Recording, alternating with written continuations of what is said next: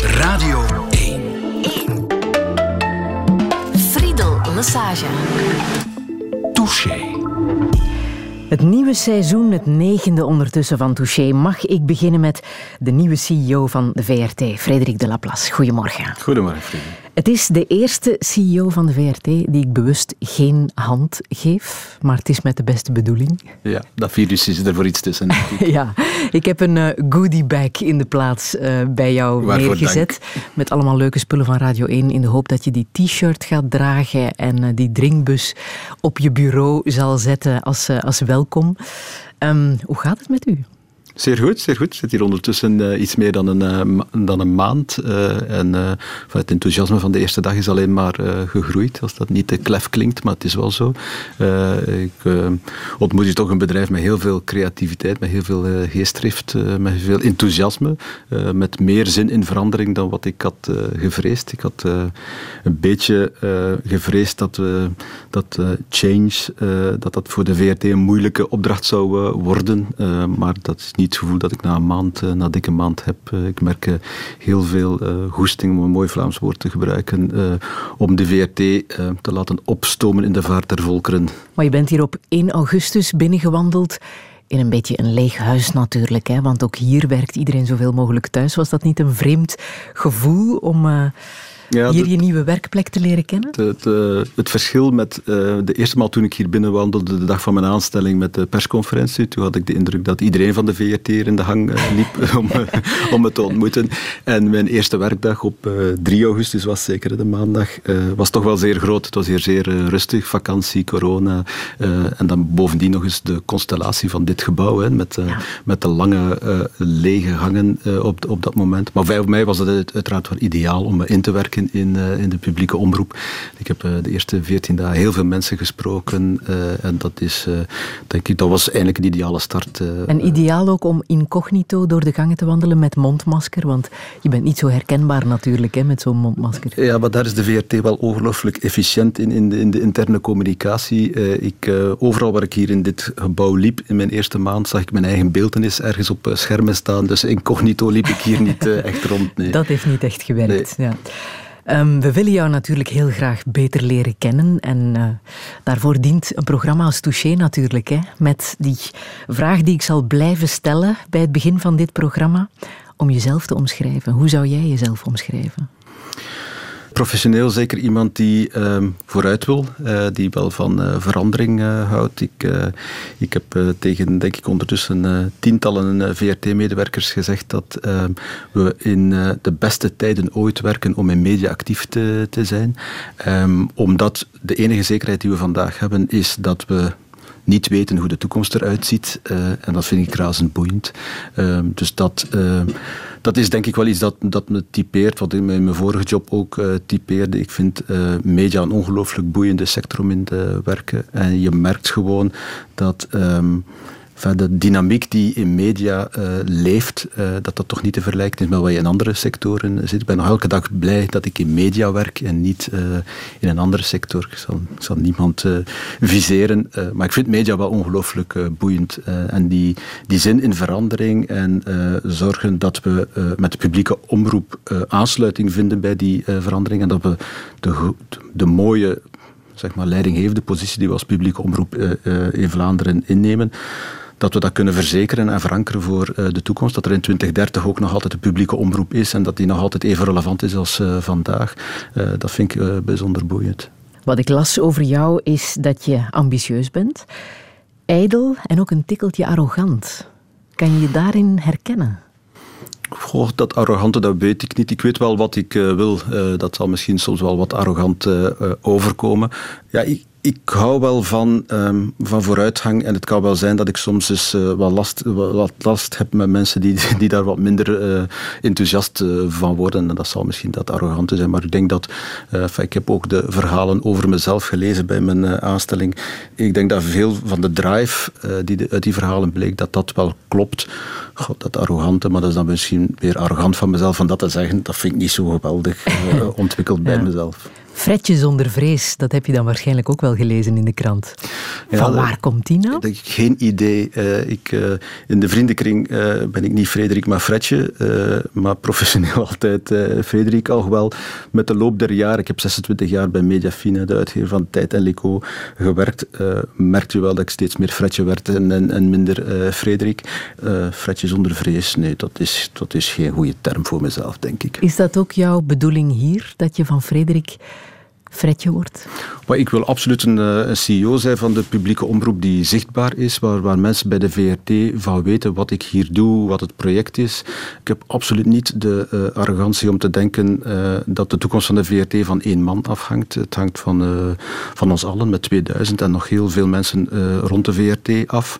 Maar ik wil wel dat uh, mensen snappen waar we mee bezig zijn. Uh, ik heb op mijn uh, eerste persconferentie mijn favoriete woord heel vaak uh, gebruikt, dat van de vuurtoren. Ik vind het ongelooflijk belangrijk dat iedereen bij de VRT weet waar de toekomst van de publieke omroep ligt. Omdat er is niet zo frustrerend als elke dag je, je nikkel afdraaien, heel hard werken voor een, voor een bedrijf of voor een organisatie en niet weten waarom. En ik vind uh, het belangrijkste op, de belangrijkste opdracht van, of een van de belangrijkste opdrachten van de gedelegeerde bestuurder van de, van de VRT is toch duiden waar we met die publieke omroep heen gaan. De rode lamp brandt nu al boven je hoofd. Frederik de Laplace, welkom in uh, Touché. Radio 1. 1. Friedel Lassage. Touché.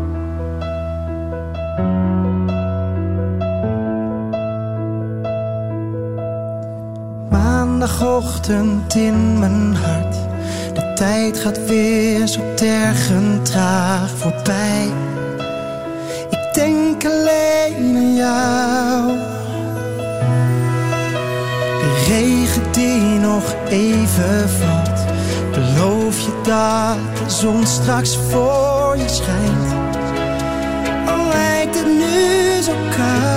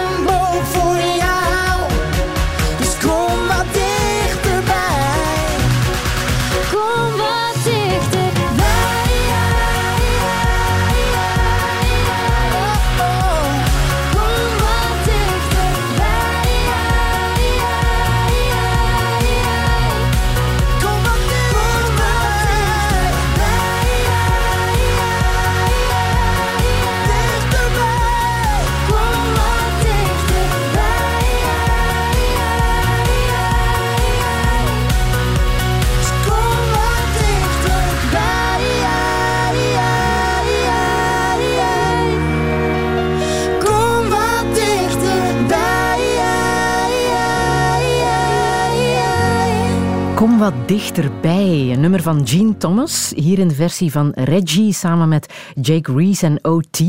Een versie die het licht zag in Liefde voor Muziek van onze conculega's bij eh, VTM. Frederik de Laplace, nieuwe CEO van de VRT. Hier hoort al meteen een beetje uitduiding bij, denk ik. Hè?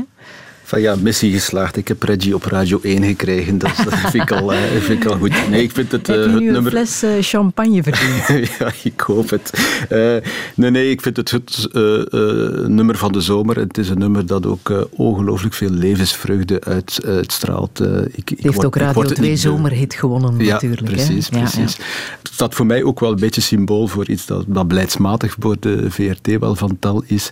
Je weet dat wij nogal een aantal afspraken maken met de, eh, met de Vlaamse regering, die een belangrijke financier is van van dit huis, over wat we doen en laten in dit huis. En dan merk je dat we, dat is mijn persoonlijke mening, soms eens wat gehinderd worden door een aantal criteria die we moeten eh, halen, die niet altijd hun doel eh, eh, bereiken.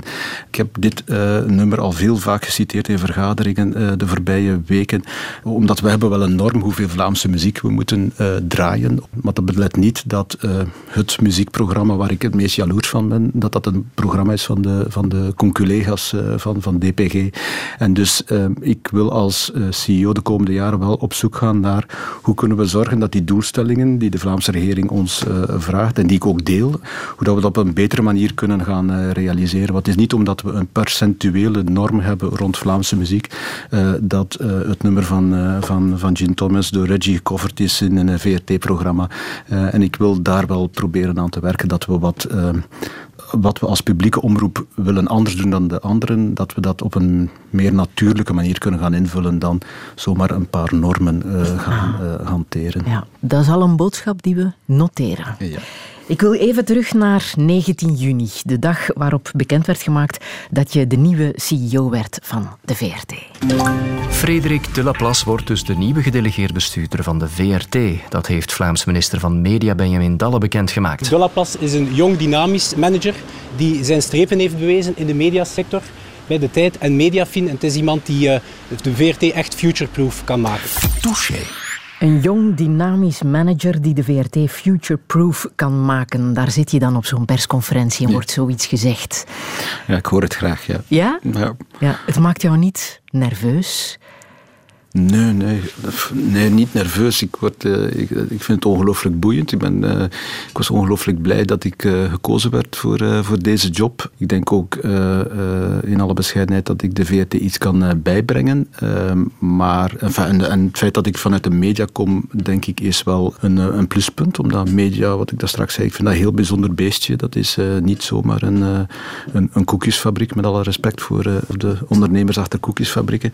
Maar ja, ik was wel blij dat ik dat mocht eh, doen. En ik denk dat ik op een punt eh, in mijn carrière was gekomen dat ik eh, de kwart eeuw ervaring die ik ondertussen heb in, in, in journalistiek en in leiding geven aan een mediabedrijf, dat die ten dienste van de publieke omroep kon inzetten. Mm. En die dag heb je bijzonder veel media-aandacht gekregen. Hè? Als je solliciteert voor deze job, dan denk je, ja, het is toch iets anders. Het is een groter bedrijf. Er is eh, iets meer poegaar rond de VRT dan, eh, dan rond kranten als, als de tijd. Ehm, eh, maar je wordt er de dag van je aanstelling wordt je wel keihard mee geconfronteerd dat het...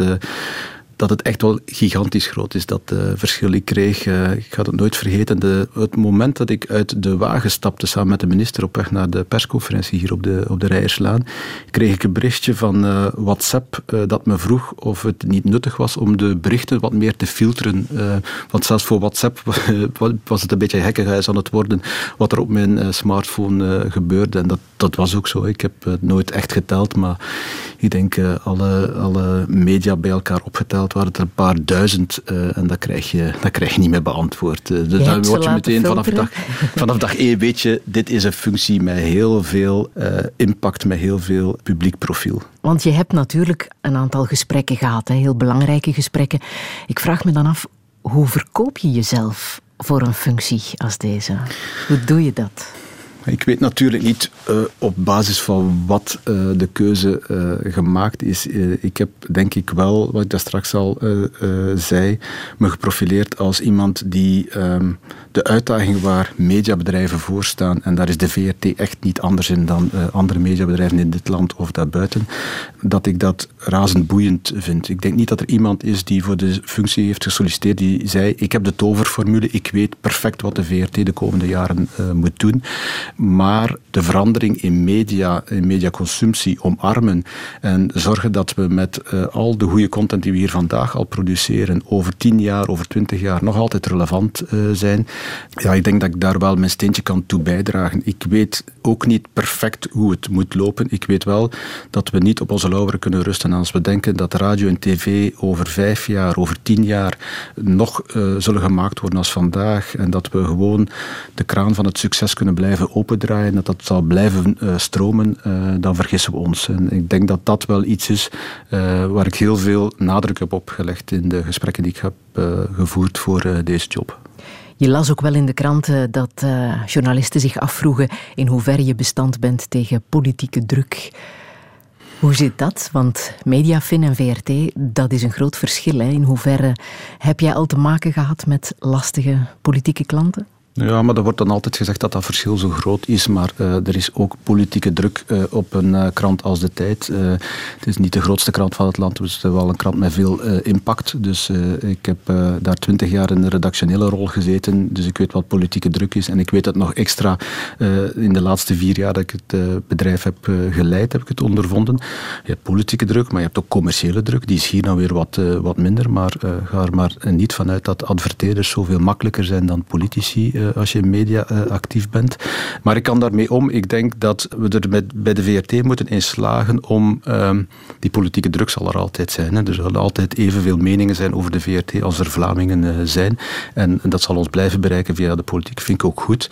Maar ik vind het wel belangrijk dat we erin slagen om het project waar de VRT voor staat, de, de unieke positie, de meerwaarde van de VRT voor het Vlaamse medialandschap, dat we daarin slagen om dat beter te duiden. Om heel Vlaanderen en het Vlaams parlement, Vlaamse regering heel duidelijk te maken welke rol wij willen invullen en hoe dat we die zien evolueren. En ik denk dat ook daar de, de vuurtoren wel uh, zijn belang heeft. Als mensen weten waar we mee bezig zijn, wat we willen realiseren met de publieke omroep, uh, dan kunnen ze wat hier gebeurt in dit huis ook beter duiden. En ik denk dat dat uh, wel een, een, een opdracht is voor de VRT waar er ruimte is voor verbetering. Ik denk echt dat we moeten in slagen om een positief, een, een, toekomstgericht en ambitieus project rond de VRT uit te bouwen, waardoor alle akkefietjes die nu op, vaak opgekrikt worden tot, uh, tot grote rellen, uh, makkelijker van de VRT kunnen afspatten. Ik sta soms met grote verbazing te kijken hoe uh, kleine, bijna onnozele incidentjes uh, uitgroeien tot uh, grote drama's als het woord, uh, als de drieletterwoord VRT in de tekst voorkomt. En dat heeft denk ik ook wel te maken met het gevoel dat bij te velen leeft van wat zijn ze dat bij de VRT in godsnaam aan het doen. En ik denk dat we dat wel moeten gaan duidelijk maken voor, voor heel Vlaanderen, maar, maar ook voor diegenen, voor de hoek waar, van waaruit die kritiek heel vaak komt. Daarvoor dient die beheersovereenkomst, die lastige taak die nu uh, voor jou op tafel ligt vanaf 1 januari van kracht. Hoe kijk je daar tegenaan? Het feit dat de VRT een afspraken maakt met de Vlaamse regering over uh, wat de rol en de toegevoegde waarde is van een publieke omroep, vind ik uh, zeer goed. Ik heb uh, van bij de start in dit bedrijf gezegd dat we de beheersovereenkomst wel moeten hanteren voor wat ze dient. Namelijk net dat, die afspraken die we maken met Vlaanderen over wat de rol is van de publieke omroep. En soms heb ik de indruk dat de beheersovereenkomst hier beschouwd wordt als het businessplan van de VRT. Ik vind het, de, de beheersovereenkomst is de notariële akte waarop dat we de VRT bouwen. Maar als we straks op zoek gaan naar de meubels en een nieuwe keuken en een nieuwe badkamer voor ons huis, ja, dan stap je ook niet naar de keukenwinkel of naar de schrijnwerker met je notariële akte. Je neemt het plan, het grondplan, het architecturaal plan van je woning eh, mee. En dat moeten we in dit huis wel goed beseffen. Ik hoor het je graag zeggen, maar het moet wel met goedkopere materialen, hè, want we moeten besparen. Ja, maar als je met één mediabedrijf in de wereld kan uh, noemen, Friedel, uh, dat vandaag over meer middelen beschikt dan een jaar geleden, uh, dan, uh, dan trakteer ik je. De VRT is echt geen uitzondering uh, in de mediawereld met een oefening om met minder middelen nog beter eh, te doen. Eh, en ik ben er echt van overtuigd dat de VRT voldoende financiële middelen heeft om een goede en sterke publieke omroep te zijn en te blijven. Zonder dat mensen worden ontslagen of programma's niet meer kunnen gemaakt worden? Zonder dat voorop te stellen. Ja. Eh, ik denk dat we ehm, voldoende middelen hebben om uh, een goed project uit te bouwen. Om te zorgen dat we uh, in 2030 nog altijd apetrots kunnen zijn op die publieke omroep. Maar er zal veel moeten veranderen. Maar dat moet het ook bij onze conculega's uit de commerciële sector. Dat moet het ook bij andere publieke omroepen in, in, in Europa. Um, media en mediaconsumptie zijn zo sterk aan het veranderen. Dat stilstaan echt betekent dat je jezelf irrelevant zult maken. Dus ja, er moet veel veranderen en er zal veel veranderen de komende uh, jaren. Maar de, de neiging in dit huis om dat altijd te herleiden tot ja, er komt weer een reorganisatie of er komt weer jobverlies aan, ja, dat, dat is toch niet mijn, uh, mijn insteek in dat, uh, in dat debat. In de welkomstmail die je van de week hebt gestuurd stond je persoonlijk gsm-nummer. Is dat omdat personeelsleden jou persoonlijk ook mogen bellen?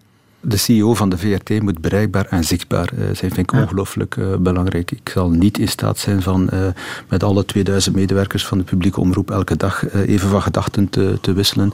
Maar ik vind het wel ongelooflijk belangrijk dat we van de negende verdieping niet iets maken dat onbereikbaar is, on, onbegrijpelijk is en dat nu en dan een nota naar beneden stuurt. dus ja, ja, dat gsm-nummer stond in de mail en dat, is, dat heeft zijn bedoeling.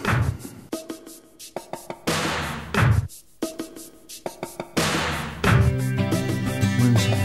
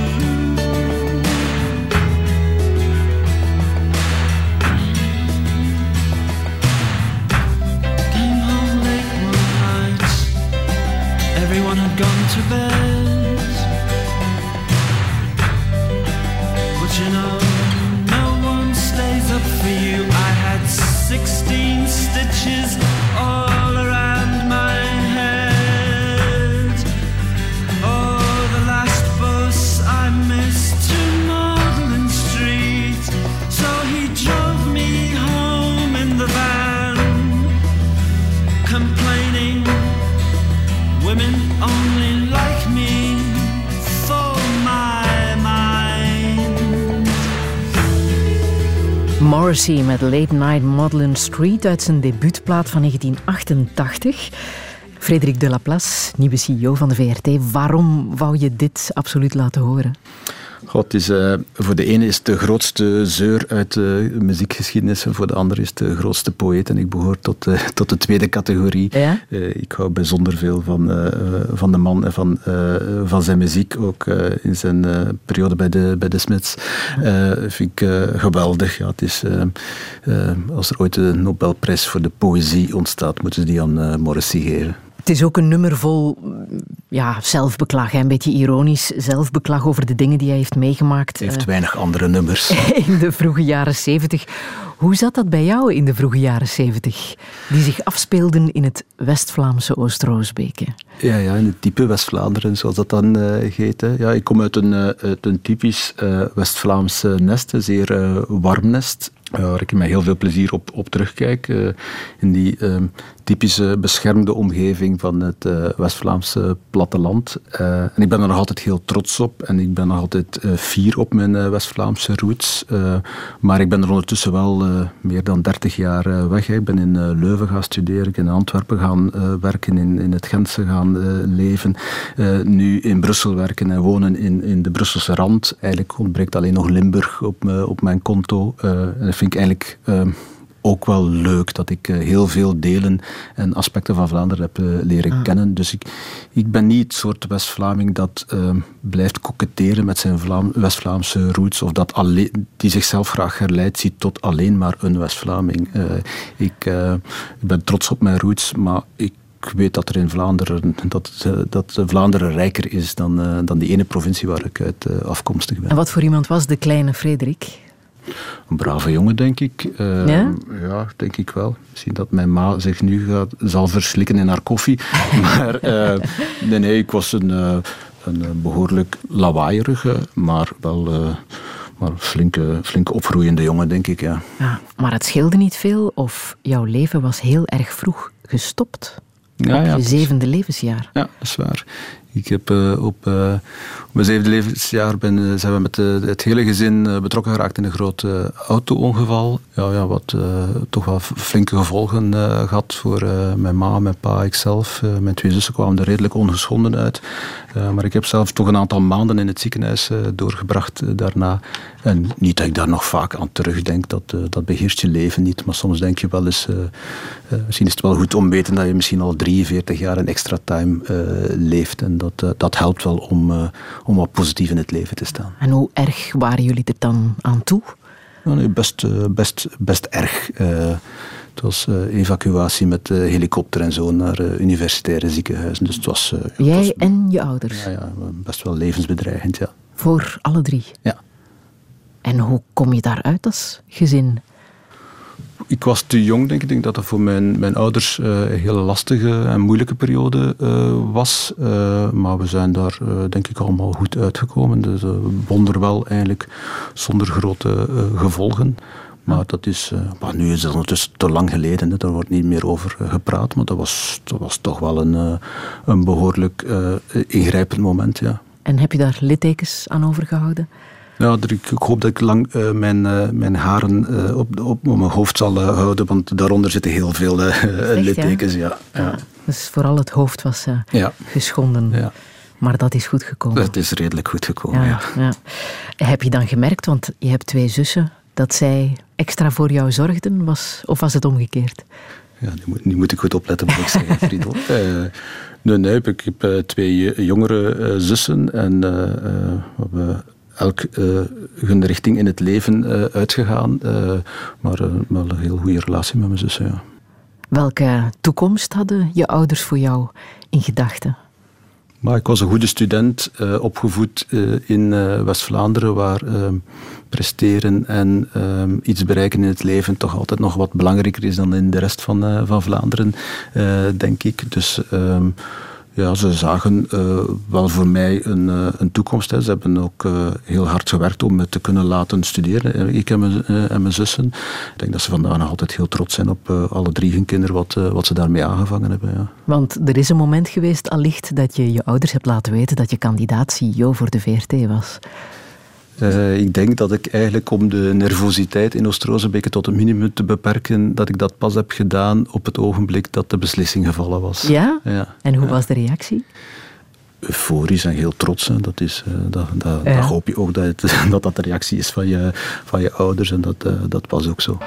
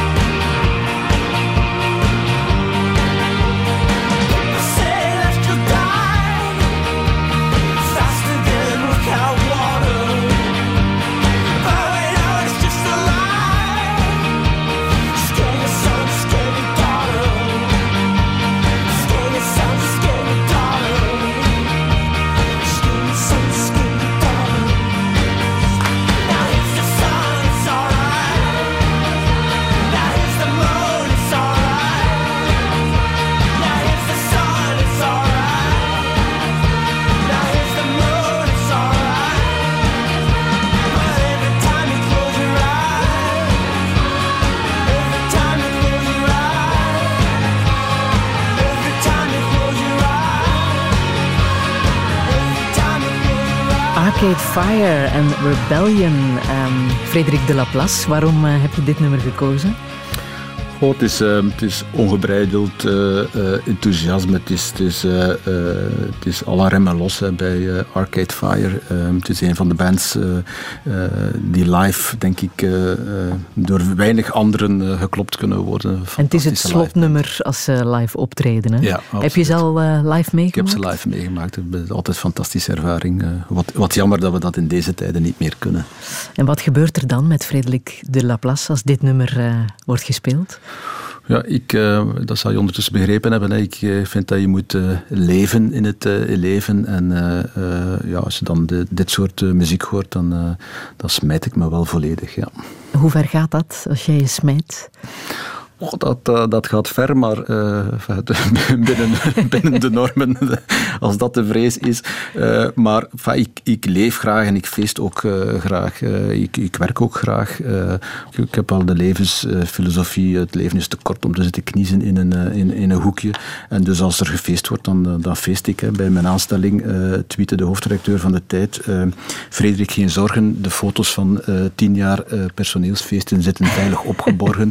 dus er is hier en daar wel een, een, een beeld te vinden van mezelf in uh, opperste extase op een feest. Uh, je trekt de kop bij een Polonaise? Uh, Polonaise is niet helemaal mijn ding.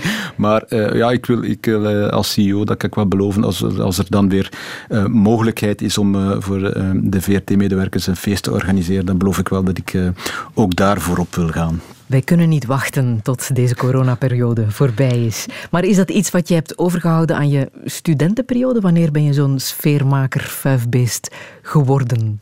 Ja, studentenperiode misschien wel. Ja, dat zou wel, wel kunnen. Hè. Dat is um, voor uh, de West-Vlaamse jongen van 18 die dan uh, naar het grote Leuven trekt. Als je daarop terugkijkt, dat is toch een uh, moment dat je buiten de comfortzone komt. Grote heb, verandering voor jou? Ja, absoluut. maar ik kijk met heel veel plezier terug op mijn, op mijn studententijd. Ja. waar ik heel veel vrienden dan over heb gehouden. Ja, waar je toch ontdekt dat er meer is in het leven. waar de ambitie waar ik vandaar nog altijd last van, uh, van heb, uh, denk ik wel voor de eerste maal ontstaan is. Hè. Ik ben uh, economie gaan studeren in Leuven. Eigenlijk zonder goed te weten wat uh, toegepaste economie eigenlijk uh, was. Ja. Uh, maar daar wel iets ontdekt waar ik zeer door gepassioneerd werd. Maar ik wou eigenlijk oorspronkelijk pers en communicatie gaan studeren. Maar ehm, de adviseur van wat toen nog het PMS heette, zei tegen mijn ouders, ja, maar misschien kan er wel meer aan dan, ehm, dan pers en communicatie. En dan, dan spelen die West-Vlaamse roots. als je meer aan kan, dan moet je daar ook voor gaan. dus ben ik toegepaste economie gaan studeren en achteraf toch gelijk gehaald door nog eens pers en communicatie te gaan bijstuderen.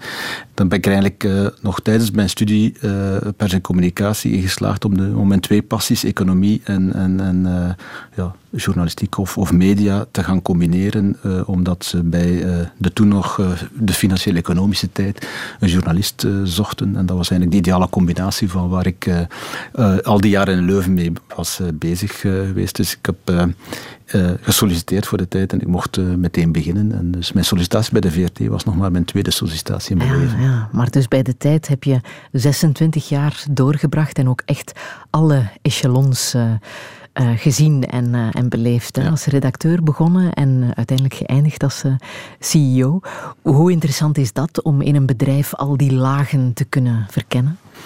Maar zeer interessant, zeker omdat uh, één, het gebeurt in een, uh, in een mediawereld die zeker de laatste uh, tien jaar heel snel begon te veranderen.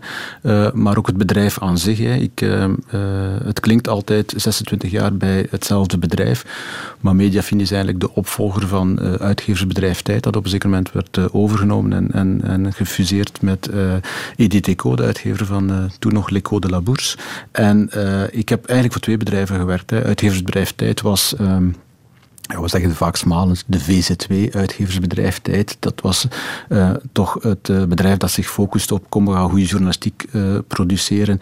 En we zien wel of er het eind van de rit nog een euro winst over blijft. En toen werden we in 2005 overgenomen door de persgroep en Rossel. En toen werden we plots een commercieel bedrijf. En uh, ik zeg altijd dat dat, dat klinkt 26 jaar in hetzelfde bedrijf, maar het zijn eigenlijk twee bedrijven. Uitgeversbedrijf Tijd en dan uh, Mediafin. Dat was toch een heel andere filosofie, heel ander uh, DNA. beide met hun charmes en beide met hun tekortkomen. Mm. Rick van Kouwelaert zegt dat jij de krant mee hebt groot gemaakt. Het is ook uitgeroepen tot Newspaper of the Year. Heeft hij gelijk? Een mediabedrijf uh, of een krant uh, groot maken uh, is nooit het resultaat van één man of één vrouw. en dat zal hier ook niet zo zijn. Ik ga bij de VRT mijn stinkende best doen, maar het zal veel meer van die 2000 VRT-medewerkers afhangen dan van, dan van deze jongen. We hebben bij de tijd wel een aantal dingen kunnen realiseren waar ik vandaag nog altijd trots op ben. ik denk dat we de krant waren die het eerst met, als eerste in Vlaanderen met heel veel enthousiasme de digitale evolutie omarmde. Uh, dat we daar vandaag nog, of dat ze moet ik nu zeggen, daar vandaag nog altijd de, de vruchten van uh, plukken. En daar heb ik absoluut mijn, uh, mijn rol in gespeeld, maar, maar met mij heel velen. Hè. maar daar had je de, de top bereikt, dus het was tijd voor iets anders, denk ik dan. Stel nu dat, um, dat je hier geen succes boekt en dat de voordeur waardoor je bent binnengehaald veel groter was dan de achterdeur waarlangs een CEO ook kan verdwijnen. Wat dan? Je kan ook falen, hè? Ja, ja, je kan ook vallen. En, en meer als Friedel, de kans is 100% dat we de komende jaren, en ikzelf uh, de komende jaren, een aantal beslissingen gaan nemen die niet juist zijn, of dat we een aantal projecten gaan uh, starten die niet succesvol zijn. Ik hoop dat de successen veel talrijker zijn dan de, dan de falingen, maar dat zal zeker uh, gebeuren. ik ben er ook niet bang van. Dat, dat bepaalt mijn doen en laten hier niet bij de, bij de VRT, de angst om, om te mislukken. Net omdat ik denk dat we dat met 2000 medewerkers gaan proberen te, te, realiseren. Dat ik daar wel mijn absolute rol in uh, wil spelen. Maar het hangt ook niet alleen van, uh, van mij af. En uh, als dit project mislukt, dan proberen we iets nieuws. En dan, Want hier zijn diepe kraters geslagen hè, door je voorgangers. Hoe ga je daarmee om? Goh, ik kom uh, de VRT binnen met een, uh, een leeg rugzakje. Uh, en, ik wil maar wil je dan niet weten wat er exact is gebeurd? Nee. Oh, daar valt niks mee te winnen. Ik heb, uh, dat mag je uh, checken bij je collega's. Ik heb de voorbije weken in geen enkel gesprek uh, teruggevraagd naar het verleden of wat hier de afgelopen maanden is gebeurd. Daar, daar, dat helpt ons geen centimeter vooruit. de blik is gericht op de, op de toekomst en hoe dat we de VRT klaar kunnen maken om in 2030 nog altijd even relevant te zijn als vandaag. En ik merk ook dat mensen wel blij zijn dat de blik weer naar voren gericht is. En uh, dat we niet te veel blijven stilstaan bij uh, een aantal incidenten die hier uh, zijn gebeurd. Mm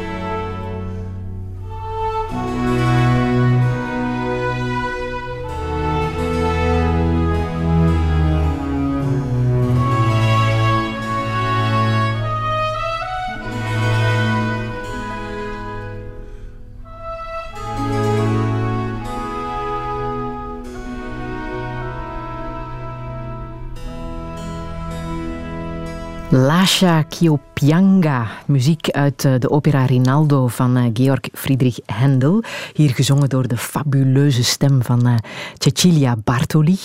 Frederik de Laplace, waarom wou je dit absoluut laten horen? Ja, van Reggie tot Hendel. Hè. Uh, om, dat is wel iets uh, anders, ja. ja en om de collega's van Clara ook... Uh, ook al, maar ook omdat ik een hele brede muzieksmaak heb. Ik kan van heel veel dingen die gewoon goed zijn en, en, en wat een beetje emotie in zit, kan ik wel van, van genieten. Ik denk dat ik dit eerste maal heb opgepikt in de film Farinelli, denk ik. Mm Vind ik fantastische muziek. Ja, het is heel iets anders dan de, de twee eerste nummers waar we naar geluisterd hebben, maar het hoort ook wel absoluut bij mijn uh, favoriete muziek. Heb jij zelf muzikaal talent? Zeer weinig, uh, zeer weinig. Uh, onder de douche misschien een beetje. maar nee, nee, er is geen groot muzikant aan mij verloren gegaan. Nooit een muziekinstrument leren nee, het is bespelen? Bij twee jaar notenleer gebleven, ja. Is het echt? Ja. Sportief talent? sportieve goesting zeker wel, talent nee. En dat beperkt zich tot die goesting? Uh, vandaag beperkt zich dat tot, uh, tot, uh, tot wat joggen met veel te weinig regelmaat. in het verleden wel, nu en dan is de 20 kilometer van Brussel en dat soort dingen gelopen. geniet ik nog altijd van. Dat is toch een van de manieren om een drukke werkdag of een drukke werkweek van je, van je af te zetten. Al joggen komen er geen belangrijke dossiers rond de VRT in mijn hoofd op. Dus dat, dat, dat werkt wel louterend. dus ik doe het wel maar uh, veel te weinig. Ja. Je bent ook wel een fervent voetbalsupporter, hè? Ja. Dan is zit mijn altijd... talent meer op de tribune dan op het veld. de ploeg is natuurlijk zeer belangrijk. Ja. Club Brugge? Ja, absoluut. Ja. Ja, ja, dat kan bijna niet anders als, eh, als West-Vlamingen. ja. en hoe ver gaat dat? Dat supportergedrag? Goh, dat gaat ver in die zin dat ik... Uh, ondertussen toch bijna, eh, ik uh, word later dit jaar 50, maar ik denk ondertussen meer dan 40 jaar uh, in dat stadion zit bij Echt, ja? thuiswedstrijden. Niet altijd, maar heel vaak. En daar ben ik een supporter. en daar ehm, gaat het maatpak helemaal uit. En de standaardtaal ook. En, Je zit niet in de VIP-ruimte? Nee, nee, nee, nee, nee. Voetbalwedstrijden achter glas, nee, nee, laat het uit.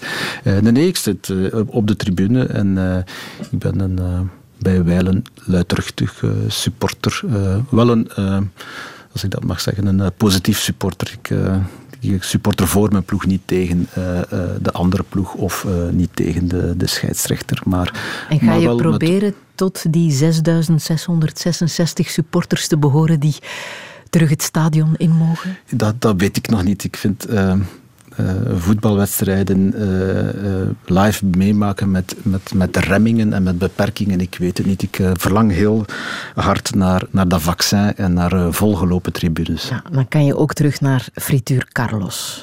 ja, dan kunnen we ook weer terug naar Frituur Carlos. Ja, Want daar ga jij een frietje steken. Ja, dat, is, uh, dat ligt op de weg tussen het stadion en de wagen. En daar, uh, daar stoppen we al alles uh, met, de, met de vriendenbende om na de wedstrijd een frietje te eten. Ja. ja. maar liever frituur Carlos dan chique architectuur? Beide.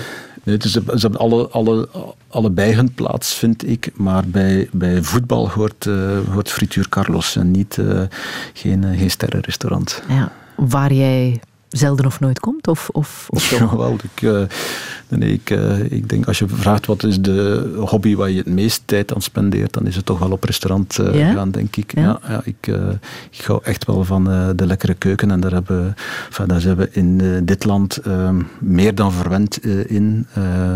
je ontdekt nog uh, bijna elke week uh, nieuwe ja, keukens waar ongelooflijk, met ongelooflijk veel liefde en toewijding wordt, uh, wordt gekookt. Daar kan ik ongelooflijk van, van, van genieten. ik en mijn echtgenote ook op een manier waarin dat we het leuker vinden om nieuwe dingen te ontdekken dan altijd naar hetzelfde restaurant uh, terug te trekken. Ik hou niet van, ook niet in reizen, van altijd hetzelfde te doen. En het kan zijn dat je het toprestaurant uh, ontmoet in week 1 maar dan gaan we de week daarna toch terug naar iets anders om, om weer nieuwe dingen te ontdekken. En daar is Vlaanderen onwaarschijnlijk rijk in, in uh, wat je gastronomisch allemaal kan beleven hier. Ben je zelf ook goed in de keuken?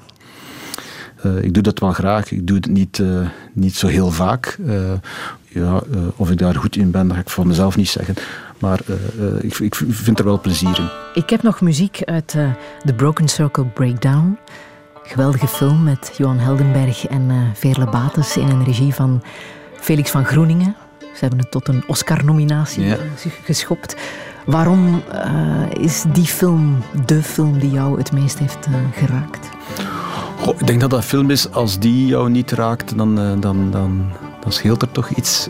ik vind het een film waar muziek een belangrijke rol in, in speelt, um, daar heb ik het uh, altijd al wat meer voor. En, dit en dat is, kan je hier wel zeggen natuurlijk. Ja, het is zijn muzikanten. harde, maar tegelijkertijd ook ongelooflijk warme uh, film. Bij de laatste scènes uh, hou je het toch niet droog, hè, of dan parelen er toch wel traantjes. En ik wil ook dat dat zo blijft. ik vind die, niet iemand worden die daar een bast rond ontwikkelt. Van, die emotie laat ik niet, niet komen. Dat, ik vind dat een topfilm. Het gaat over een, een koppel dat een kind verliest aan, uh, aan kanker. Is het ook dat, zoiets onrechtvaardigs, uh, dat niemand hoort mee te maken? Ja, ja omdat het, uh, het, het, het, snijdt wel heel hard in, in, in, emoties. Hè. En, het is een film die je heel hard meeneemt daarin. En waar je ook alle kleine kantjes van menselijke karakters ontdekt die dan geconfronteerd worden met zo'n met zo'n drama. En het toont nogmaals aan, uh, Friedel, hoeveel onwaarschijnlijk creatief talent er in dit land uh, zit. Hè. Dat, is, uh, ja, dat is echt een film. was die in een ander land geproduced of in een andere taal gemaakt, dan, was dat wereldwijd een, een, een, topper geweest. Wat het nu ook wel is. maar ja, dit, ik vind het ook wel echt wel een voorbeeld van. Um, waar we in Vlaanderen toch verdomme allemaal goed in zijn. Uh, en dat, uh, dat we dit soort producten in dit land uh, kunnen maken. Bovendien in, in, een domein dat heel belendend is aan, aan, aan, aan dit mediabedrijf. Ja, dat, dat stemt wel hoopvol over wat je in dit land en ook met de publieke omroep allemaal kunt doen.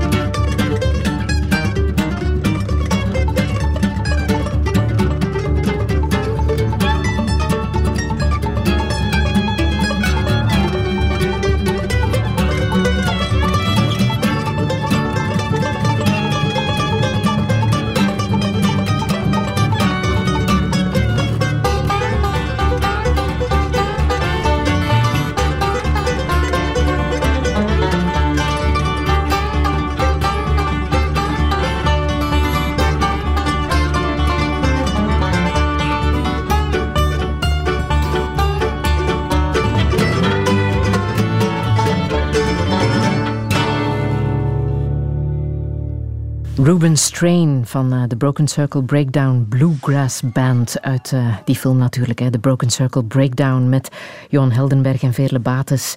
En uh, met de banjo in een zeer belangrijke bijrol. Een filmtip van de nieuwe CEO van de VRT, Frederik Delaplace. Radio 1. 1. Friedel Massage. Touché. Touché is aan het negende seizoen begonnen met volk uit eigen huis. De nieuwe CEO van de VRT, Frederik de Laplace. Opgegroeid in het West-Vlaamse Oost-Rozebeke en groot geworden bij zijn eerste en enige werkgever tot nog toe, Mediafin, waar de kranten De Tijd en Leco worden gemaakt.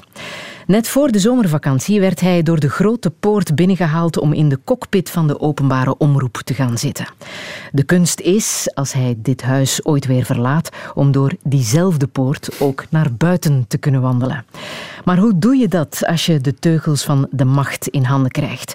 Hoe vertaal je de evoluties in de maatschappij op radio, tv en online? En hebben zijn kinderen nog wel nood aan een openbare omroep? Dit is Touché met Frederik de Laplace.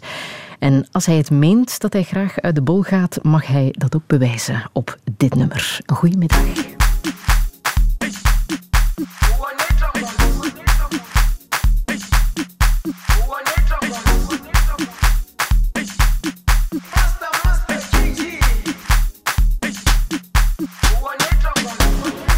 Jerusalema ikhaya lami ilondoloze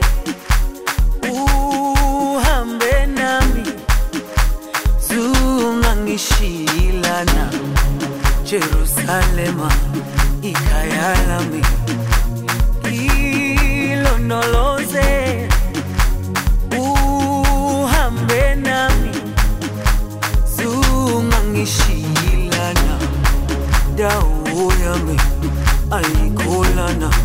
Buso wami awukholana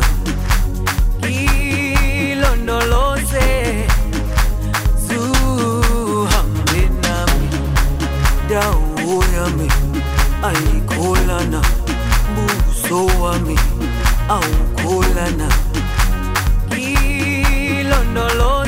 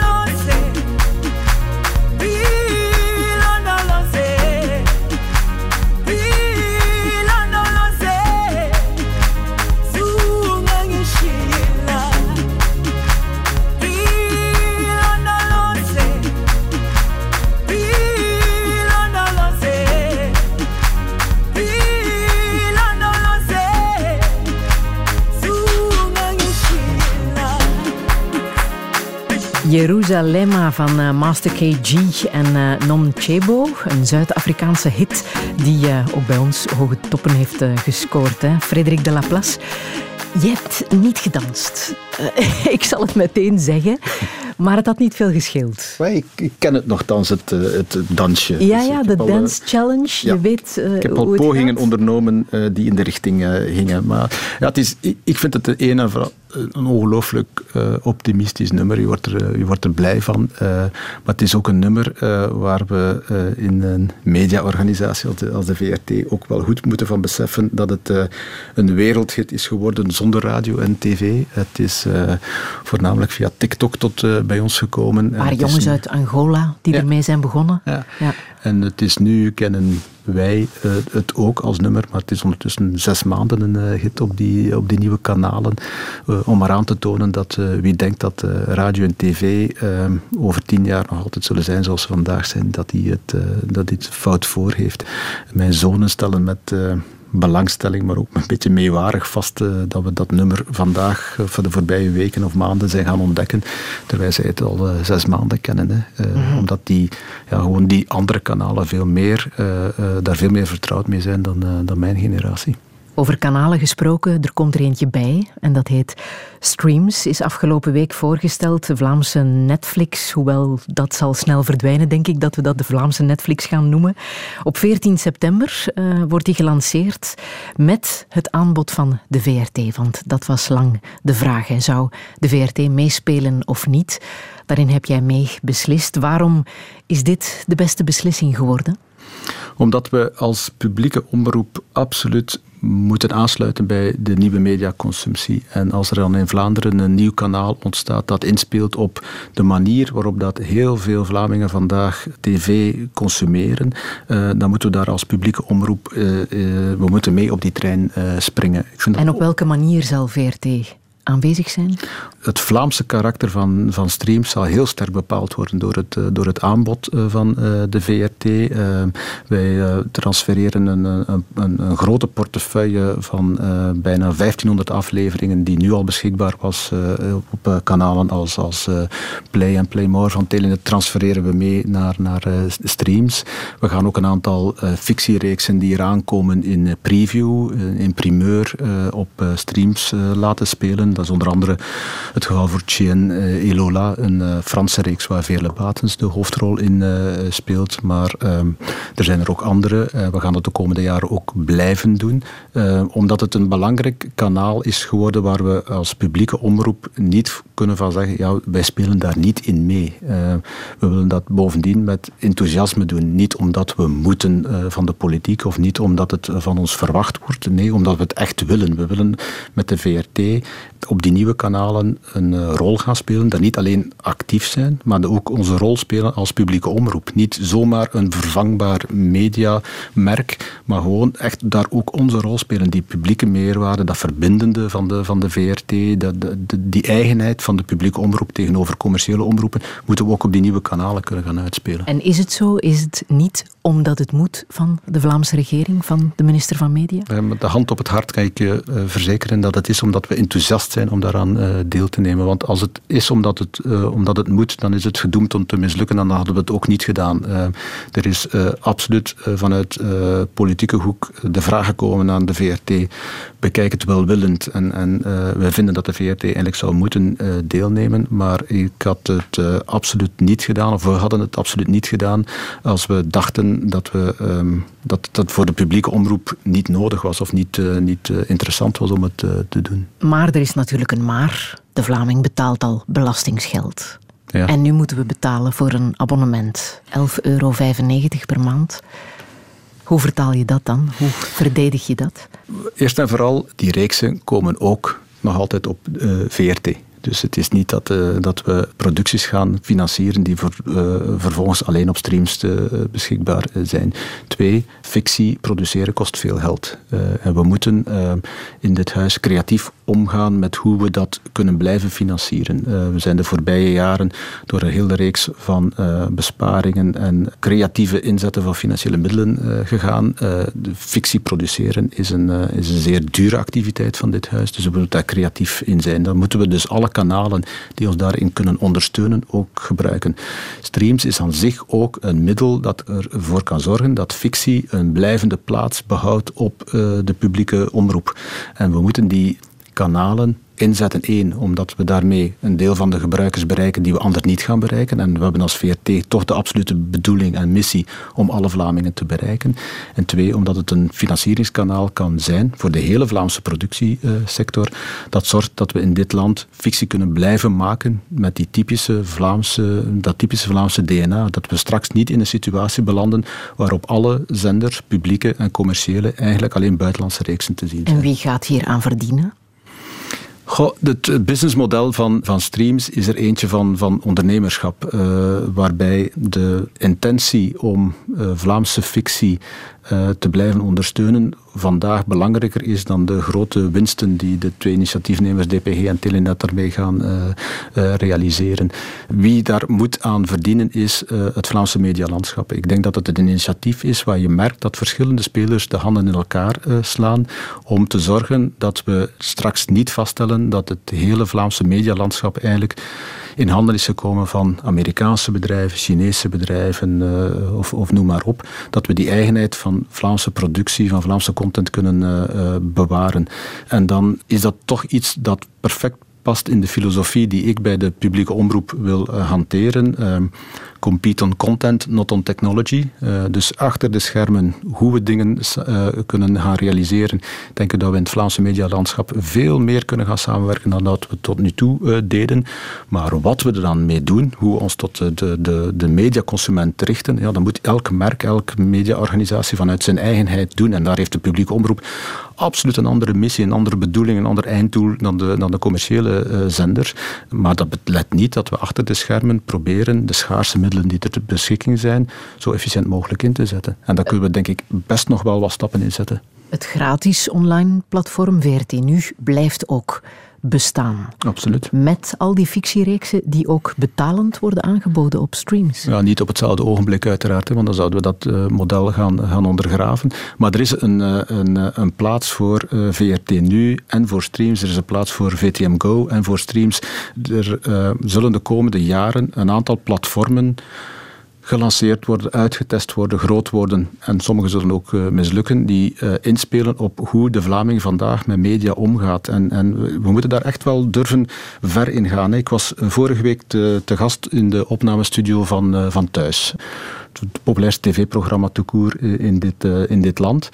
Fantastisch wat je ziet, eh, hoe dat we in moeilijke omstandigheden, in coronatijden, eh, die reeks weer eh, kunnen opstarten en dat, hoe, hoe we kunnen zorgen dat dat verbinden, dat dat van thuis toch heel sterk uitgaat naar, naar de Vlaming, dat we dat kunnen verder zetten. Maar thuis, over tien jaar, als we erover niet in slagen om daar andere formules op te enten dan alleen maar het, de uitzending van 25 minuten lineair op één elke avond, ja, dan gaan we het succes daarvan ondergraven. En dus we moeten dus durven nadenken hoe we van bij de start, van, van bij het concept van programma's dat we maken, hoe dat we kunnen op die multimediale eh, uitdaging die voor ons staat, eh, beter inspelen. Ja, want de mediaconsumptie evolueert enorm, is zeer vluchtig geworden. Als je kijkt naar Twitter, Facebook, eh, Instagram, dat is een swipe en het is weer verdwenen. Terwijl er tegelijkertijd ook een veel grotere roep is naar debat, naar duiding.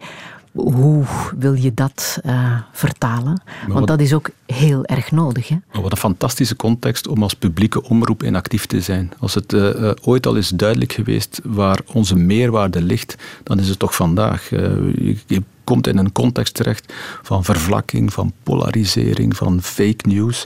Eh, de enige echte garantie die we in Vlaanderen hebben om daar eh, blijvend eh, op in te spelen en te zorgen dat de Vlaming weet wat er echt gebeurt, wat er, wat er gaande is in de wereld, de, de, de tendensen, de, de, de grote bewegingen in de maatschappij duiden en, en, en verklaren, dan is het wel de publieke omroep. En ik ben even overtuigd, even overtuigd als ik ben dat we op al die kanalen moeten meespelen en, en ons proberen eh, heruit te vinden om mee te eh, zijn met de nieuwe technologie. Vind ik ook even hard dat we op die kanalen onze rol onderscheidend moeten blijven spelen van andere Maar mediaorganisaties. hoe doe je dat? Duiding brengen op een swipe-kanaal als eh, Instagram? Wel, het kan, het kan echt. Eh, als je kijkt wat we bijvoorbeeld op Instagram doen eh, vanuit richting jongeren met een kanaal dat Nieuws, Nieuws, Nieuws heet, dat is dezelfde kwaliteit, dezelfde duiding, dezelfde betrouwbaarheid, dezelfde onpartijdigheid als wat we altijd proberen te be, eh, eh, beogen in onze journalistiek, maar wel op een kanaal waarmee je weet dat je de jonge generatie wel bereikt. Als we eh, alleen maar ons concentreren op het journaal s'avonds en dan vaststellen dat eh, jongeren, eh, dat we hen daarmee niet bereiken, dan doen we als publieke omroep niet wat, we, wat er van ons verwacht wordt. En die nieuwe kanalen, Nieuws, Nieuws, Nieuws op Instagram, is een, is een zeer groot succes, omdat we daar eh, met de kwaliteit van de journalistiek die in dit huis wordt verricht, een nieuw doelpubliek bereiken op een nieuwe manier.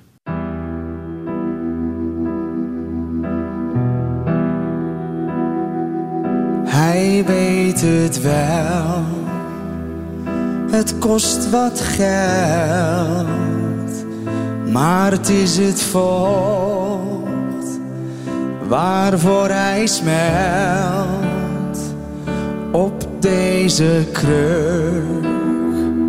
Rust zijn geluk, zijn laatste jaren zijn al geteld.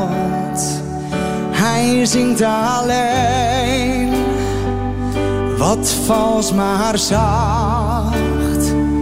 Hij heft zijn bier met weinig kracht. Doe het licht maar uit, hij heeft alles al gezien. Hij moet weg uit deze kroeg. Maar uit, nog een laatste glas misschien. Hij wil doodgaan morgen vroeg. Zijn drang is groot, belooft te gaan. Hij heeft gehad waarvoor hij kwam. Kwam voor de drank, is nu voldaan. Hoewel nog één, kan hij nog aan. Bescheiden licht toont zijn gezicht, zijn laatste blik op niets gericht.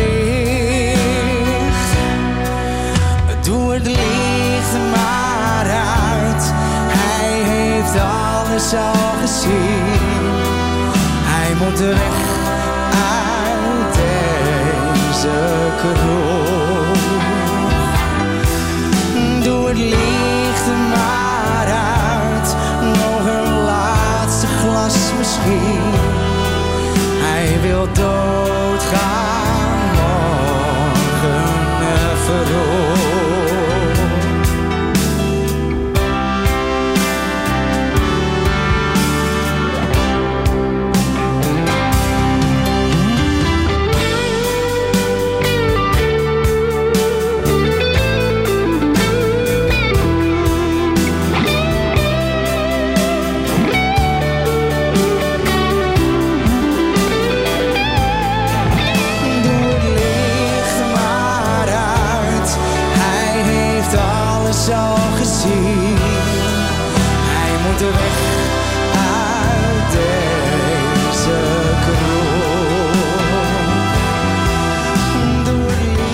de Laplace, je bent nog maar een maand CEO van de VRT. Mag ik nu al het licht aan doen?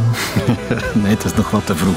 Maar goed, iedereen zijn guilty pleasure. En eh, André Hazes is er bij mij eentje. Ja, zegt dat ook iets over jouw humoristische kant? Want daar hebben we het nog niet echt over gehad. Ja, ja, misschien wel. Ja, ja, absoluut wel. Ja, ik- en ook over ehm, weten te waarderen dat er een aantal dingen zijn die door iedereen zeer kwaliteitsvol worden aanzien. Die ongelooflijk kwaliteitsvol zijn en fun zijn. Dat er ook een aantal dingen zijn die... enfin, niet iedereen zal André Hazes het toppunt vinden van eh, cultuur. En toch vind ik dat het deel uitmaakt van onze cultuur. En eh, dat, dat we daar ook wel het beste fun mogen van inzien. En volks kan ook fantastisch goed zijn, Zo natuurlijk. Ja. ja. Met wie kan je echt lachen? Wie zijn jouw favoriete humoristen? Ben de grote fan van, van Wim Helsen.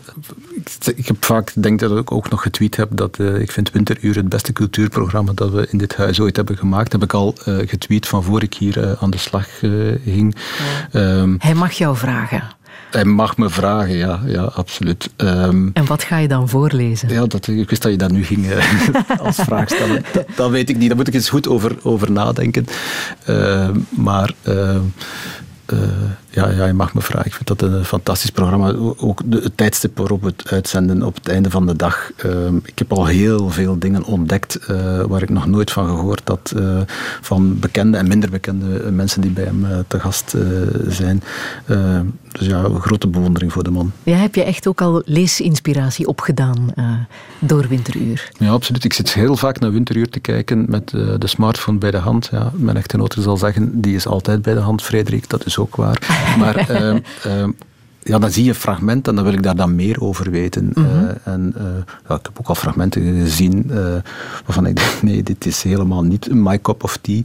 Maar ja, ja, je krijgt er wel heel vaak, ja, verdorie, dat moet ik opschrijven, dat moet ik eens lezen, of dat moet ik eens achteraan gaan. Of, ik hou ook wel van, van fragmenten die dan uit zeer onverwachte hoek komen. Hè. Mensen die niet de poëziebundel van Hugo Claus eh, citeren, maar, maar iets waarvan je denkt, "Maar hoe kan een mens daar ooit zijn eh, toegekomen om dat te lezen, om dat te zien, om dat te, te, te beluisteren?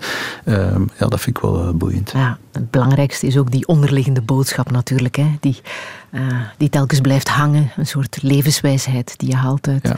uit literatuur. Je hebt mij twee boeken eh, geadviseerd. Het Feest van de Bok van eh, Vargas Llosa, de Peruaanse Nobelprijswinnaar, en The Plot Against America van Philip Roth. Waarom heb je die twee boeken eh, graag gelezen, denk je? Het, het zijn twee boeken, eh Friedel, waar wij, eh, als je het eh, boek dichtslaat na, na de laatste bladzijde, ehm, dat je niet zomaar het leven erop neemt en zegt, ja, nu eh, boodschappen gaan doen in de, de, de lijst. Het zijn twee boeken die er wel wat inhakken. Het zijn fictieverhalen, hè, maar ze schetsen een, een beeld van de maatschappij dat, dat je wel aan het denken zet. Hè. The Plot Against America van Philip Roth is geschreven lang voor Donald Trump, maar je leest er dingen in en je denkt van, hoe kon Roth het zo gek bedenken? Ehm, het is eh, zich soms eh, in de realiteit nog erger aan het voordoen vandaag dan, eh, dan wat hij in zijn boek had geschreven.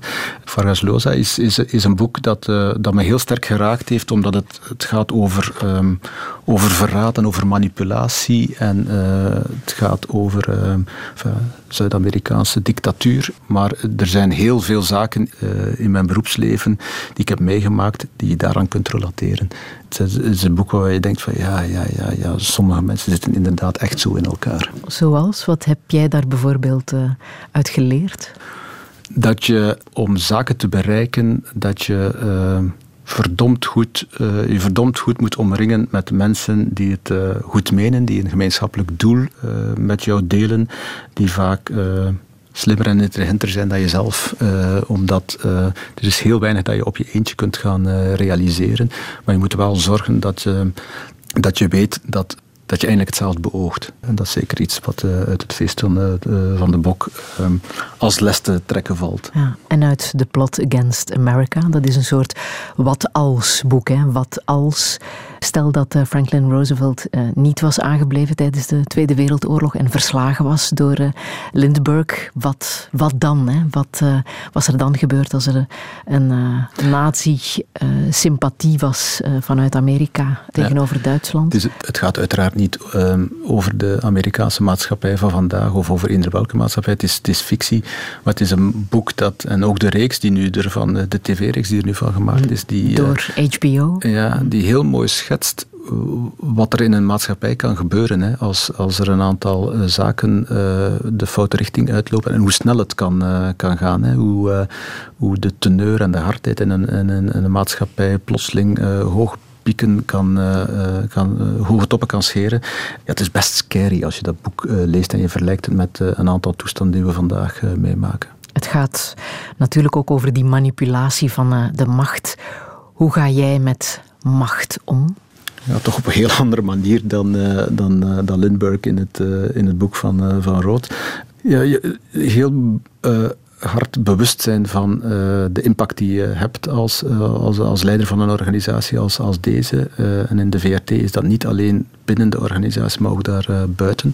Ehm, van daar zeer zorgzaam mee om te gaan. Ik denk dat trouwens geldt voor elke medewerker van de VRT, omdat onze impact op de maatschappij toch anders is dan in eender welke andere job in, in, in Vlaanderen.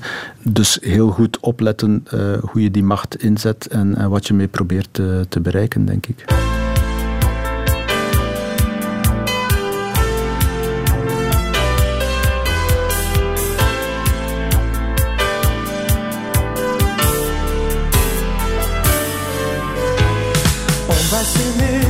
À toucher le ciel, se séparer,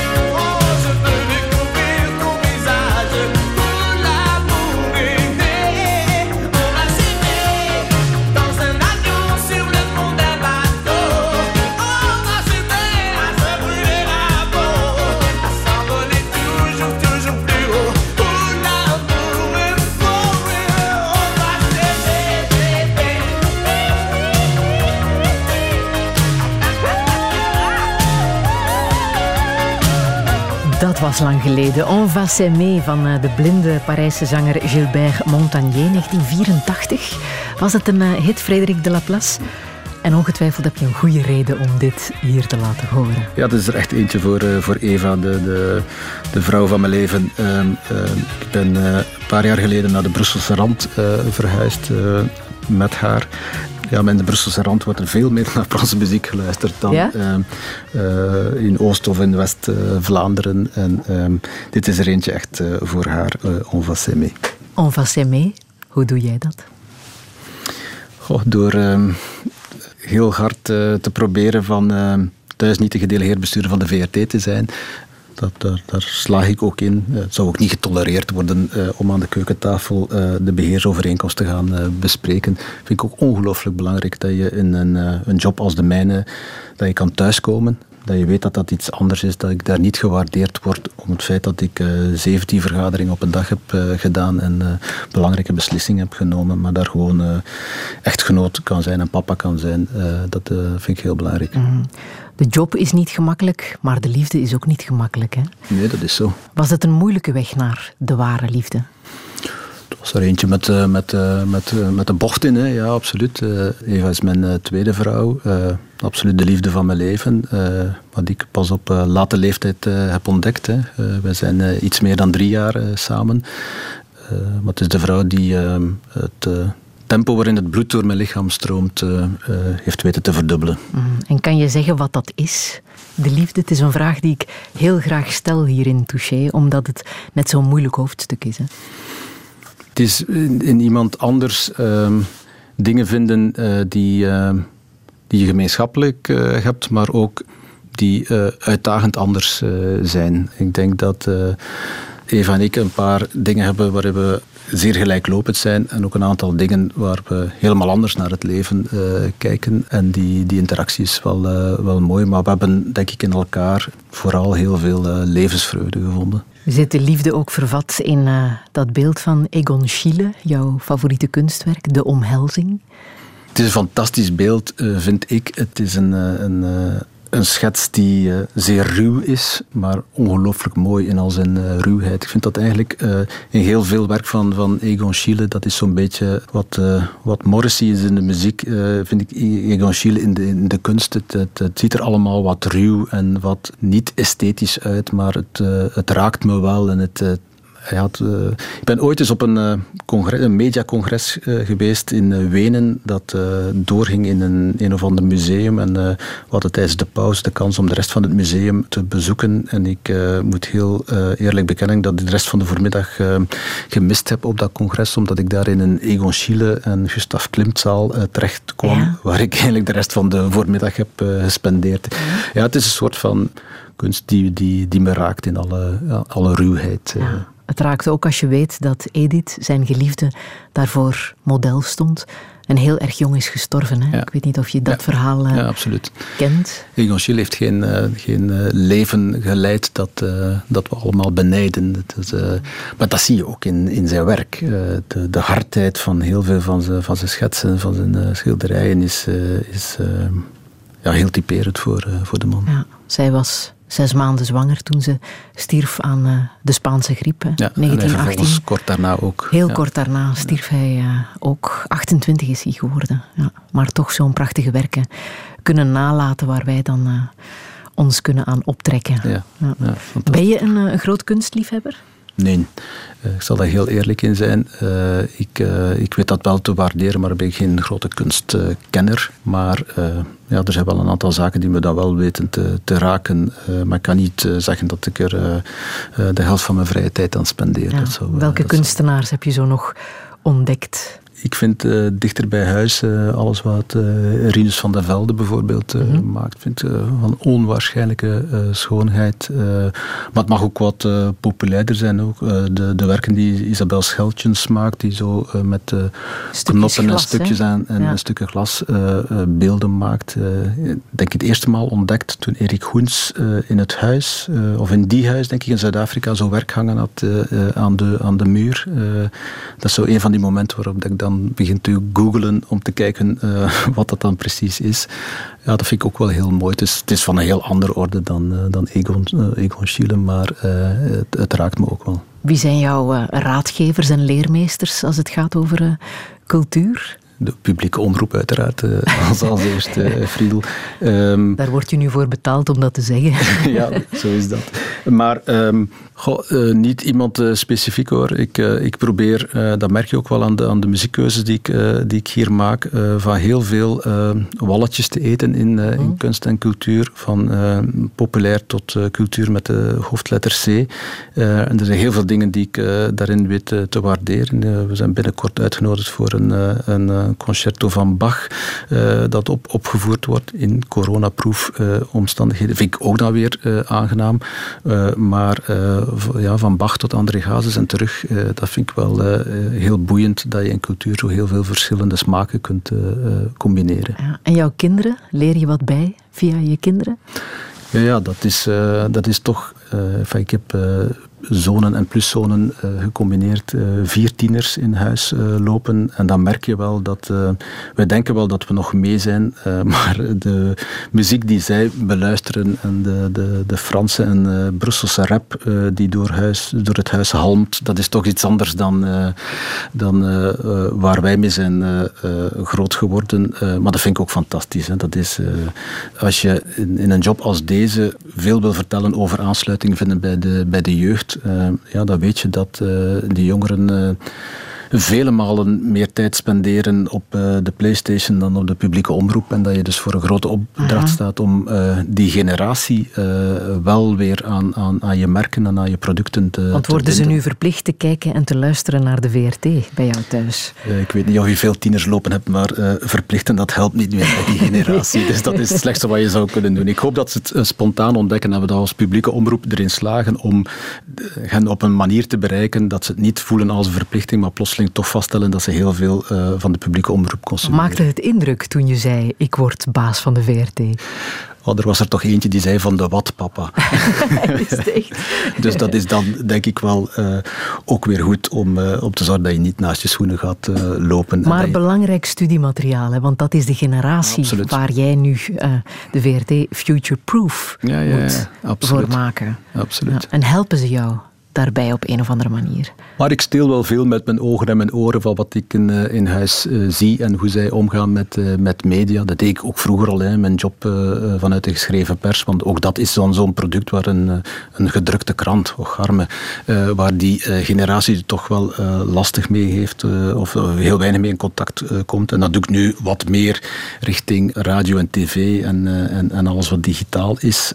Maar ik, ik vind dat wel heel belangrijk dat, dat ik dat elke dag blijf zien. Dat de uitdaging die we, waar we als publieke omroep voor staan, dat dat niet zomaar een, een, een managementverhaaltje is, maar dat dat echt de realiteit is. Wat voor vader ben jij?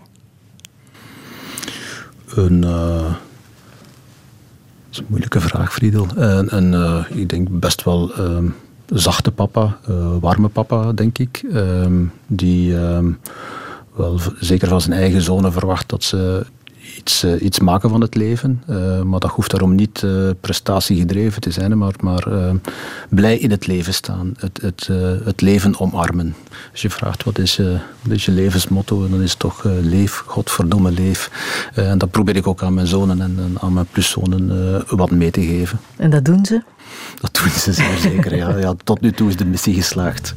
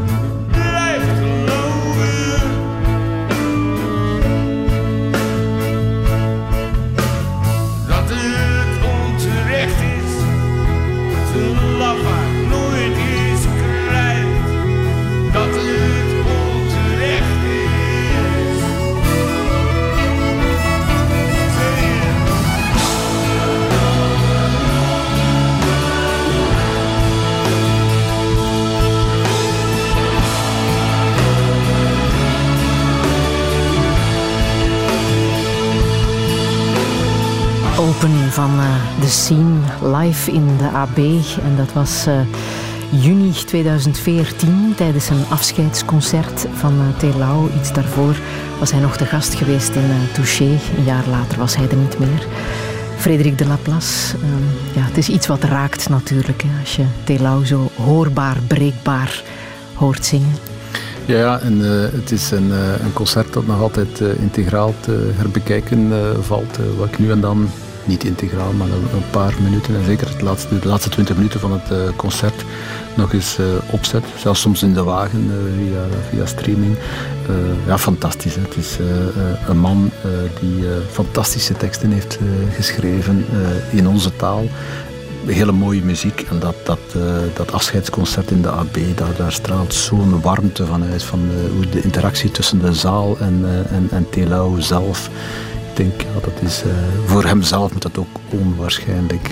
weten dat je aan je laatste levensmomenten bezig bent en zo kunnen terugkijken op, op je leven. Van, ik heb wel iets, ik heb wel een steen verlegd op aarde ja, dat vind ik een, vind ik een fantastisch moment. Toen, toen jullie me vroegen om een aantal muziekfragmenten te selecteren, was dat er eentje dat er heel snel op stond. En meer verbonden kan je ook niet zijn als je zo ja. gedragen wordt door, door je publiek.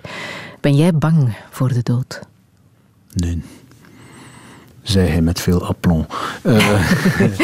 Uh, nee, nee, nee, dat is uh, wat ik daar straks al zei. Hè. Ik, uh, ik leef zeer graag. En dan, als je zeer graag leeft, dan, dan ben je niet zoveel bezig met het einde daarvan. Hè. Je bent zo hard bezig en zoveel energie steken in leven. Nee, nee, ik ben niet bang van de dood. Ik ben ook niet bang, wat je daar straks uh, vroeg, van, van, van falen. Uh, het een uh, hoort onlosmakelijk met het andere. Maar goed, er is gelukkig geen, leven zonder dood. Dus, dus kunnen we maar beter van dat leven het beste maken. Mm. Waarin geloof jij? In mensen, denk ik. Uh, in, in, dat je met mensen ongelooflijk uh, straffe dingen kunt uh, doen als je de handen in elkaar slaat. Dat mag in coronatijden niet altijd meer. ik vind het heel straf, zeker in de, in de sector waar we, waar we hier actief zijn, wat je met talent, met jong talent, met, uh, uh, met mensen die uh, iets willen realiseren, wat, wat, je allemaal kan gaan doen in, in radio, in tv, in, in, in, in, cultuur, in film, in onderwijs. Successen hangen toch altijd af van, we, we hebben een gemeenschappelijk doel, we zijn er samen voor gegaan, we hebben de handen in elkaar geslaan en dat is denk ik, het collectief, dat is wel iets waar ik, waar ik heel sterk in geloof. Dat, ik denk dat mensen zichzelf kunnen overstijgen door in, in, in groepsverband om samen, door samen iets te, te, te realiseren. Mm. Je wordt 50, hè? Ik ben 49. is dat een leeftijdsgrens waar je tegenop ziet? 50 worden? Nee, maar het is wel een, het is wel een getalletje dat er staat natuurlijk. Hè. Ja. Het is, uh, dat valt niet te ontkennen. Hè. Het, het, klinkt toch een beetje als halfweg. Laat ons hopen dat het maar halfweg is. Ah. Um, Nee, ik ben daar niet bang van. Ik vind het, wel, uh, het is er wel eentje die, uh, die we goed gaan vieren. Uh, Eva is er al volop mee bezig in de voorbereiding. En we gaan moeten zien wat er kan in coronatijden. En wat kan er in coronatijd? Ja, het zal toch met de beperkte vriendenkring uh, zijn, vrees ik. Uh, ik hoop dat het niet met mondmaskers op is. Uh, maar je weet maar nooit. We hebben nog een paar maanden de tijd om het virus verder te laten kalmeren, zodat er toch wel iets nodig is. En als het dit jaar niet is, dan, dan vieren we het wel op het moment dat het vaccin er is. Maar ik vind het wel in die zin een, een breukmoment in het leven dat ik denk van, ja, daar gaan we ons toch eens goed voor smijten. Ja, en er zal gefeest worden, er zal gedanst worden. Ja, ik denk dat het antwoord heel volmondig ja, ja. is. Um, wat zou je echt nog willen in het leven?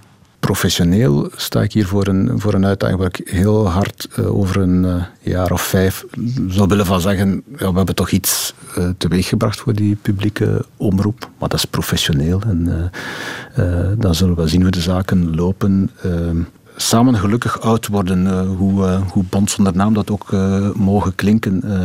Eva en ik zitten dikwijls op restaurant met heel veel weemoed en bewondering te kijken naar oude koppeltjes die net als wij dan samen op restaurant zitten, daar ongelooflijk van genieten, aan het tateren en aan het praten zijn. En we hebben zo één koppeltje dat in Brasserie de Lagarde hier in, eh, in, in Brussel heel vaak aan dezelfde tafel zit. eh, Ja. En we- als we het restaurant binnenkomen, kijken we altijd een beetje in die hoek om te zien of dat, eh, of dat zij er Zitten ook zitten. En eh, we, we kennen ze helemaal niet, maar ze zijn zeker 90 plus en ze zitten altijd met zoveel plezier samen eh, op restaurant. eh, dat ik denk, Ah. ja, dat, wat wil je nog in het leven? Ja, dat wil ik nog wel meemaken. eh, zo, zo samen eh, op de oude dag eh, van het leven genieten. Ah. Ik vraag ook altijd welke boodschap je nog eh, wil meegeven. Je hebt er al een hele mooie meegegeven. Hè? Leef, verdomme leef. Ja, wil je daar nog eentje aan vastplakken? Nee, ik ga het daarbij houden. Ik vind Ja? dat ongelooflijk eh, eh, belangrijk. Er is, elke dag zijn er honderden redenen om de schouders te laten hangen. Maar dat is niet de- net wat ik mensen zou meegeven. Er is zoveel moois in het leven. Er is zoveel fantastisch positiefs te, te doen in het leven. Dat we ons daar moeten op concentreren. Dus eh, leef, godverdomme leef. En er is ook nog dat laatste nummer dat je wil laten horen. Agape van eh, Bears Den. Waarom precies dit nummer? Het is tristesse in al zijn eh, schoonheid. Je gaat zeggen, leef, godverdomme leef, en dan draag je zo'n eh, triest nummer. Maar ik ben er rotsvast van overtuigd dat je de, de schoonheid van het leven maar kent als je ook de kleine kantjes eh, kent. En eh Bears Den kan die kleine kantjes eh, omschrijven en bezingen als geen ander. Ik vind, als je dat eh, weet, dat dat de kleine kantjes zijn van het leven, dan geniet je nog veel meer van al het positieve in het leven. Hoe heb je het leren kennen? Duister, denk ik, eh, programma op Studio Brussel, dat eh, tot mijn grote vreugde terugkomt. Ik zit er voor niks eh, tussen. Het was niet mijn eerste managementbeslissing hier bij de VRT. Vanavond, denk Ja, ik. Hè? ja, ik denk Vanaf het. vanavond, Ja. 15 zondagen lang, gaat ze terug helemaal in het donker. Ja, ja. Fantastische muziek spelen.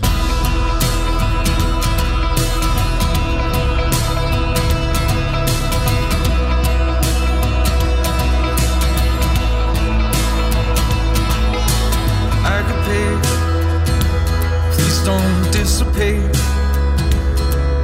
I know that I have got this all wrong. I'm reaching out to touch your voice, but baby, I'm clutching at straws. Well, even though your words hurt the most. I still wanna hear them every day. And you say, let it go,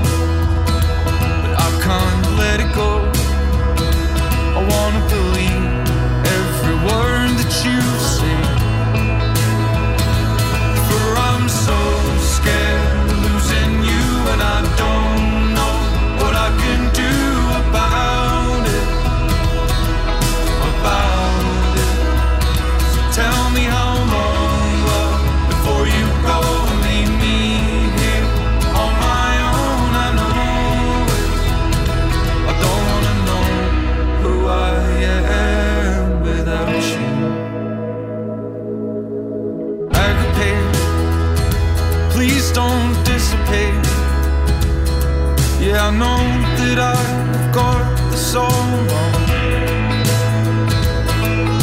I'm reaching out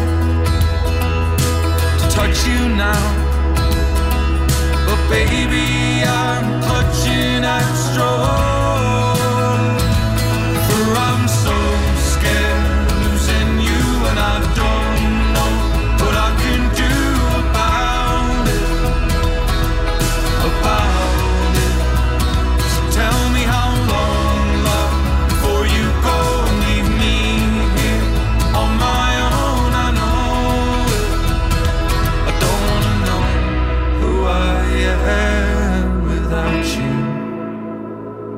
don't wanna know.